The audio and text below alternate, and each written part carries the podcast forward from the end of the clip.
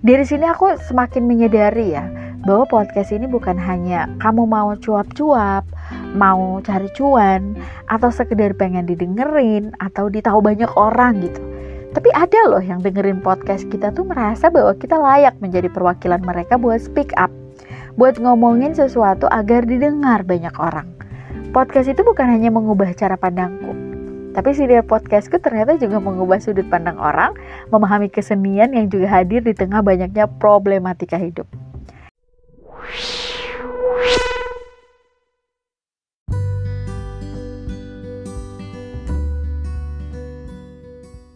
Hai hello, ketemu lagi di Ngobras. Ngobrol asik soal seni bersama Iin Ainar Lawide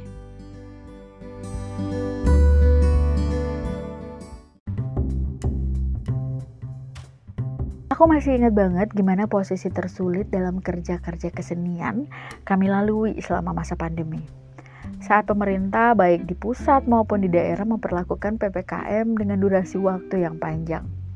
Sejak Maret tahun 2020, panggung pertunjukan pun tertutup. Tidak boleh ada keramaian, tidak boleh ada kegiatan, tidak boleh ada pertunjukan.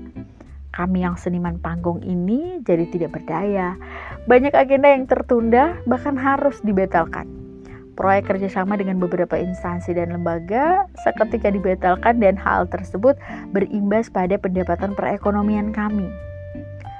Jika tidak ada panggung, bagaimana melanjutkan proses-proses ini?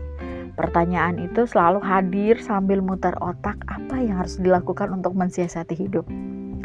Sampai pada akhirnya ada sebuah program tari bertajuk Distant Parade yang mencoba alihwanakan panggung pertunjukan kerana digital.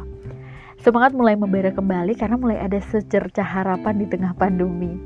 Usai program tersebut, mulai terbuka banyak kesempatan untuk belajar lagi, menggali dan menambah pengetahuan. Walaupun semuanya dilakukan secara virtual. Nah, tibalah ada satu momen ingin diskusi, pengen ngobrol, tapi jarak benar-benar terbatas kala itu. Coba deh googling hal menarik di rumah aja. Nah, muncullah tuh kata podcast. Aku langsung penasaran, apaan ya? Kok kayaknya pas gitu sama kita yang pengen ngoceh tapi nggak punya salurannya. Nah, mulai deh tuh aku uh, kepoin para podcaster Indonesia yang punya kanal senior seru-seru. Mulai belajar penggunaan platformnya, aku mulai belajar proses merekam, editing, sampai podcastnya mengudara. Semuanya belajar sendiri, itu hanya melalui Google dan YouTube aja. dan bener-bener nekat deh, pada saat itu ya bikin podcast sasaran pendengar pun aku batasi saat itu ya cuman untuk sesama pekerja seni aja karena aku pengen ngomongin soal kesenian dan kebudayaan aja nggak mau yang lain-lain ya itu awalnya awal banget sampai akhirnya aku tercengang sendiri seminggu setelah episode perdana aku mengudara ternyata pendengarnya itu 280-an dan didengarkan itu rentang usianya 17 sampai 25 tahun dan terbanyak di kota Jakarta. Wah, speechless dong akunya, terharu sekaligus bangga sama diri sendiri. Tapi hidup ternyata nggak semudah itu ya. Beberapa episodenya itu aku sempat mengalami penurunan dan akunya juga nggak konsisten. Mulai berpikir lagi nih, mau diapain lagi ya nih podcast. Dan aku juga mikir kok sampai di detik-detik itu aku nggak punya income ya dari podcast.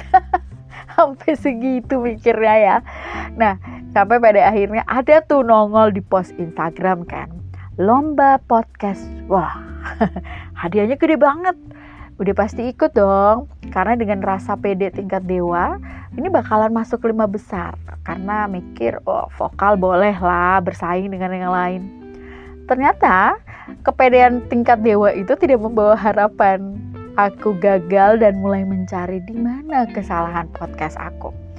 Gak lama dari situ ada lomba, ikut lagi. Gak menang lagi. Sampai pada akhirnya aku kepoin tuh podcast para pemenang lomba. Wah gila, seniat itu kan.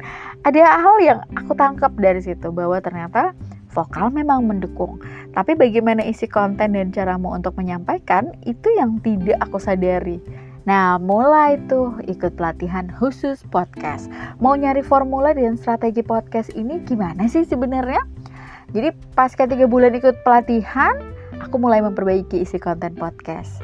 Ngomongin soal kesenian itu juga udah mulai melebar, mencoba mengaitkan dan mensinergikan pada aspek lain. Mulai berani promote dan branding juga. Nah, ada lomba lagi. Coba ikut. Kali ini ngomonginnya agak berat nih. PEN. Pada tahu PEN nggak? Pendapatan Ekonomi Nasional. Wah, kan berat tuh.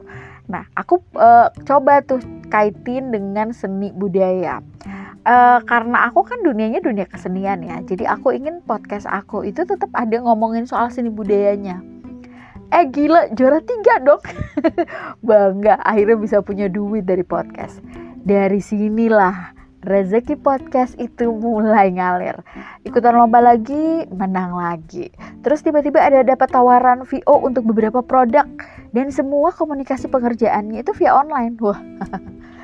ini sangat-sangat uh, bikin terharu ya.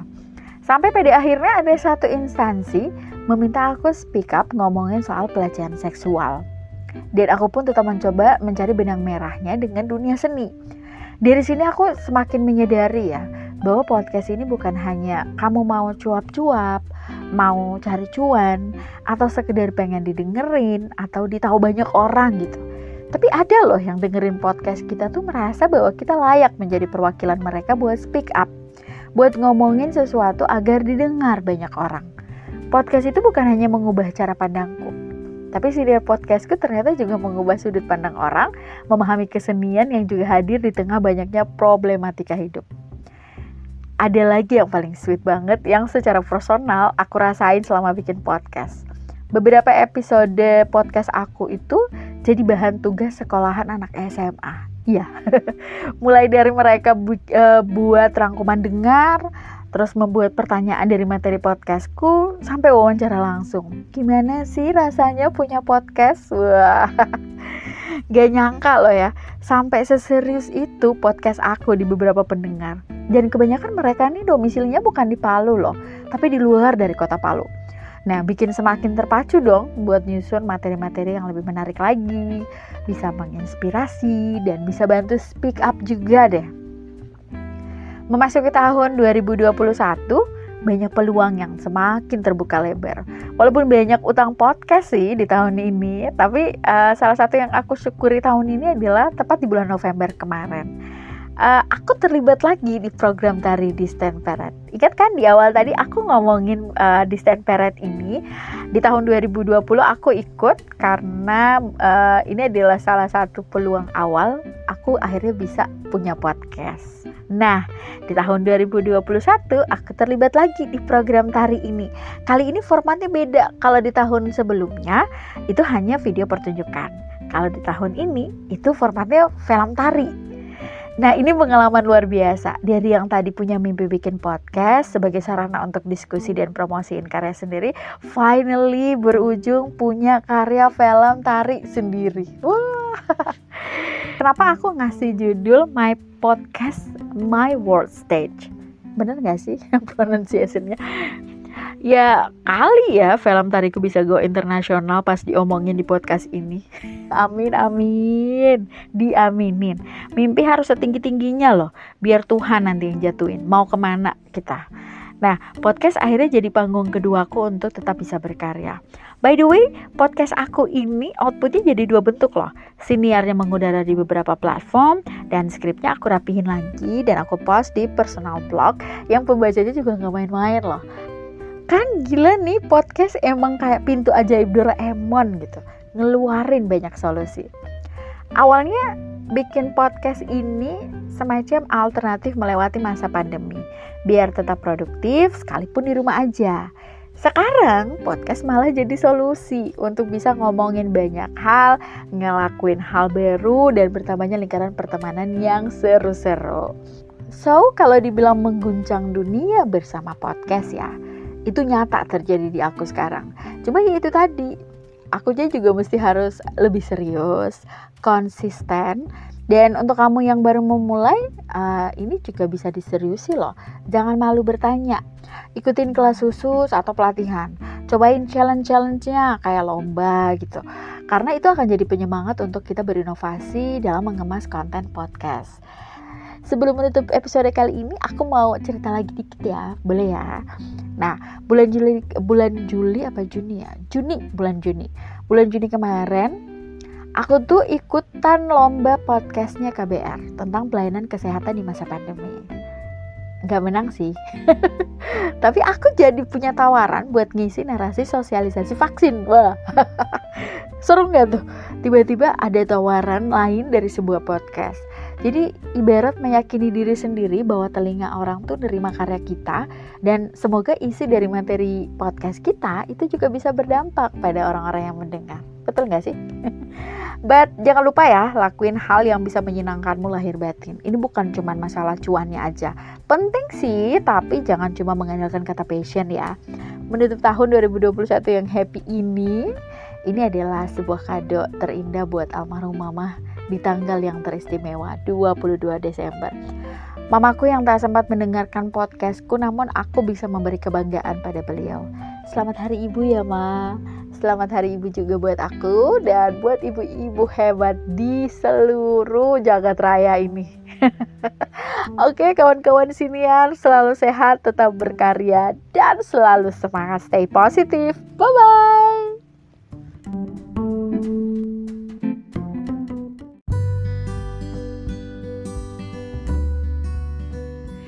Kasih sudah mendengarkan siaran podcast Ngobras, ngobrol asik soal seni bersama Iin. Sampai ketemu di episode berikutnya.